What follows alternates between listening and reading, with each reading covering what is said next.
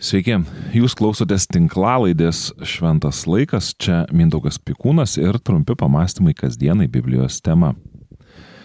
Pirmosios karalių knygos 13 skyriuje yra užrašyta įdomi istorija, kurioje mes susipažįstame su pirmoju gėdingai suskilusios Izraelio karalystės karaliumi vardu Jeroboamas. Tam, kad valdžią išlaikytų savo rankose, jam pirmiausia reikėjo į savo rankas perimti su tam tikromis korekcijomis tautos religinį gyvenimą. Na, planas pavyko. Karalius pakeitė religinių švenčių šventimo vietą ir asmeniškai pradėjo vadovauti tautos liturgijai. Tai neliko nepastebėta, nes Dievas siuntė savo žmogų perspėti karalių apie jo pasirinkimo pasiekmes. Atėjęs Dievo vyras pranašavo, Dovido namams gims sunus, vardu Jošijas, jis atnašaus ant tavo aukuro aukštumų alkų kunigus, deginančius ant tavęs smilkalus. Ant tavęs bus deginami žmonių kaulai. Tokia buvo pranašystė išsakyta būtent tam aukurui, ant kurio buvo aukojamos aukos. Ir tikrai, praėjus 300 metų karaliumi tapo vyras vardu Jošijas ir išpildė šią pranašystę. Kaip ženklas, kad pranašystė yra tikra, karalius ištiesta ranka, simbolizuojanti autoritetą, sustingo ir jis negalėjo jos sulenkti. O aukuras sugriuvo, o ant jo buvę pelenai buvo išbarstyti. Atrodo, kad Dievo vyro argumentai turėjo būti pakankamai įtikinami. Karalius sutriko, prašė žmogaus melstis, Dievo vyras meldėsi ir karalius ranka vėl tapo jam paklusni. Ir tada karalius, na, negalėjo nuslėpti to susižavėjimo bei pakvietė pranašą pas save pietų. Tačiau Dievo vyras karaliui atsakė, nors man duotumai pusę savo karalystės, su tavimi neįsiu. Šioje vietoje nevalgysiu duonos ir negersiu vandens, nes taip man buvo viešpaties liepta. Nei duonos valgysi, nei vandens gersi, nei keliu, kuriuo atėjai grįši. Dievo vyras tad nuėjo kitu keliu, keliu, kuriuo į Betelį buvo atėjęs, negryžo. Pirmoji karalių knyga, 13 skyrius, 8-10 eilutės. Čia pasakojimas galėjo ir baigtis, tačiau jis tęsiasi. Betelėje gyveno senas pranašas, toliau pasakojama. Atėję jo sūnus jam papasakojo visą, ką Dievo vyras tą dieną buvo padaręs Betelėje. Jie pakartojo savo tėvui ir žodžius, kuriuos jis buvo pasakęs karaliui, kuriuo keliu jis nuėjo, paklausė tėvas, o jo sūnus jam parodė kelią, kuriuo buvo nuėjęs iš judo atėjęs Dievo vyras. Tada jisai savo sūnums tarė, pabalnokite man asilą.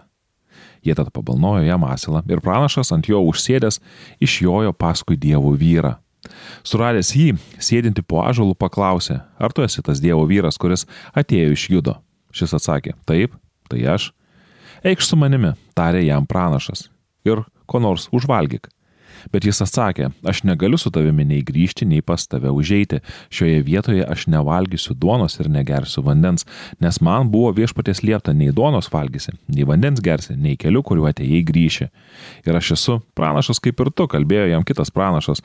Man viešpatės įsakymas buvo toks, angelas pasirodė ir tarė, parvesk jį atgal su savimi į namus, duonos pavalgyti ir vandens atsigerti. Bet pranašas jam melavo. Tada Dievo vyras sugrįžo su juo ir jo namuose valgė duonos bei gėrė vandens. Jiems sėdint prie stalo, viešpatie žodis atėjo jį atgal parvedusiam pranašui. Atėjusiam iš judo Dievo vyrui jis pasakė, Taip kalbėjo viešpats, kadangi neklausai viešpatie žodžio ir nesilaikai įstatymo, kurį viešpats tavo dievas tau buvo davęs, bet sugrįžai ir valgiai duonos, bei geriai vandens vietoje, apie kurią tau sakiau, nei vandens um, gersi, nei duonos valgysi, todėl tavo kūnas niekada nepasieks tavo protėvių kapo. Dievo vyrui pavalgius duonos ir atsigėrus vandens, jam buvo pabalnuotas jį parvedusio pranašo asilas ir jis leidosi į kelionę.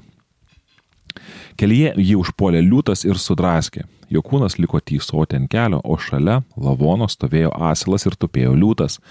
Eidami pro šalį žmonės matė ant kelio tysantį lavoną ir šalia tupinti liūtą nuėję į miestą, kuriame gyveno senasis pranašas, apie tai papasakojo. Dievo vyrą atgal pervedęs pranašas tai išgirdęs tarė. Tai Dievo vyras, kuris nepaisė Dievo žodžio. Užtat viešpats ir atidavė jį liūtui, kuris jį sudraskė ir užmušė pagal jam duotą viešpatį žodį. Savo sunums pranašas tarė, pabalnokite man asilą.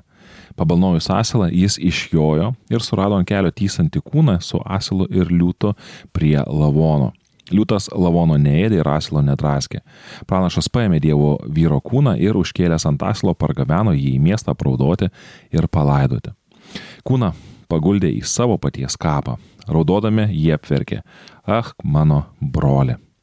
Dievo vyrą palaidojęs pranašas savo sunums tarė, kai mirsiu, mane palaidokite kape, kuriame yra palaidotas ir Dievo vyras. Mano kaulus pagaldykite šalia jo kaulų, nes žodis, kurį jis paskelbė viešpaties įsakymu prieš Betelio aukurą ir prieš visus aukštumų, visas aukštumų šventovės, esančias Samarijoje, tikrai išsipildys.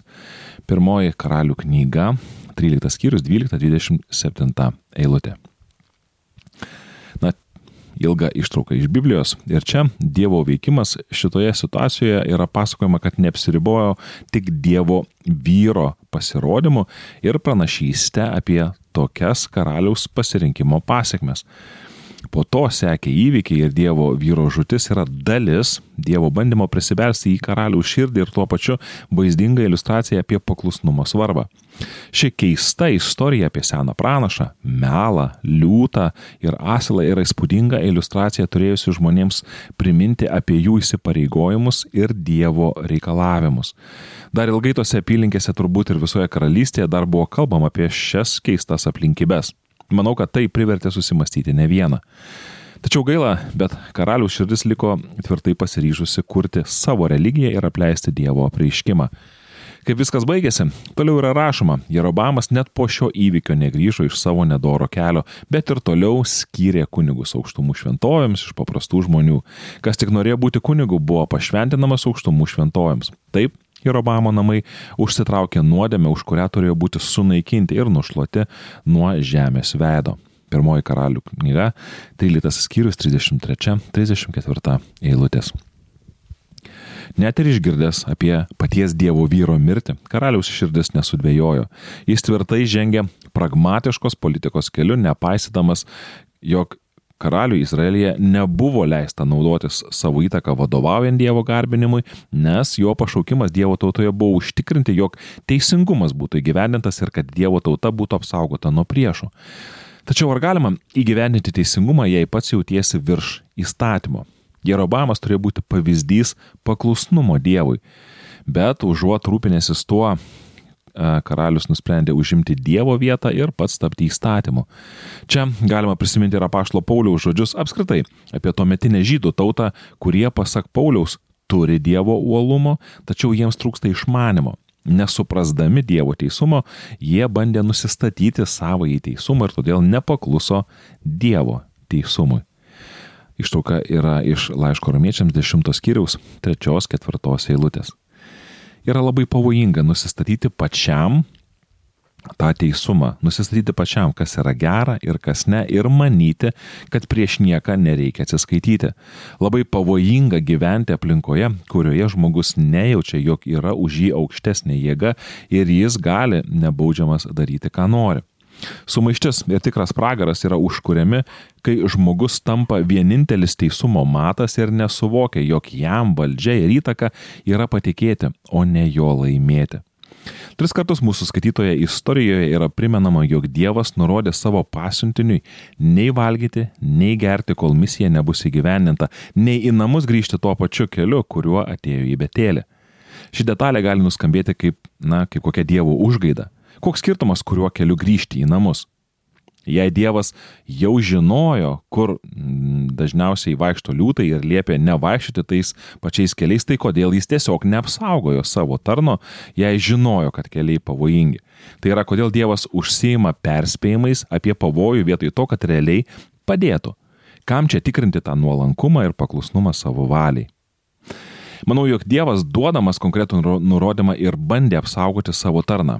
Galima į Dievo nurodymus žiūrėti kaip į laisvę ribojančius, kaprizingą uh, Dievo na, užgaidas. Arba galima į tai žiūrėti kaip į apsaugą nuo nematomų pavojų ir perspėjimą apie pasirinkimų pasiekmes. Dievas galėtų vis gelbėti visus į bėdą pakliūnančius kaip kokius mažus kačiukus nuo pavojų, tačiau jis pasirenka pasidalinti perspėjimais, patarimais ir padrasinimais ir suteikia mums laisvę patiems pasirinkti savo kelią.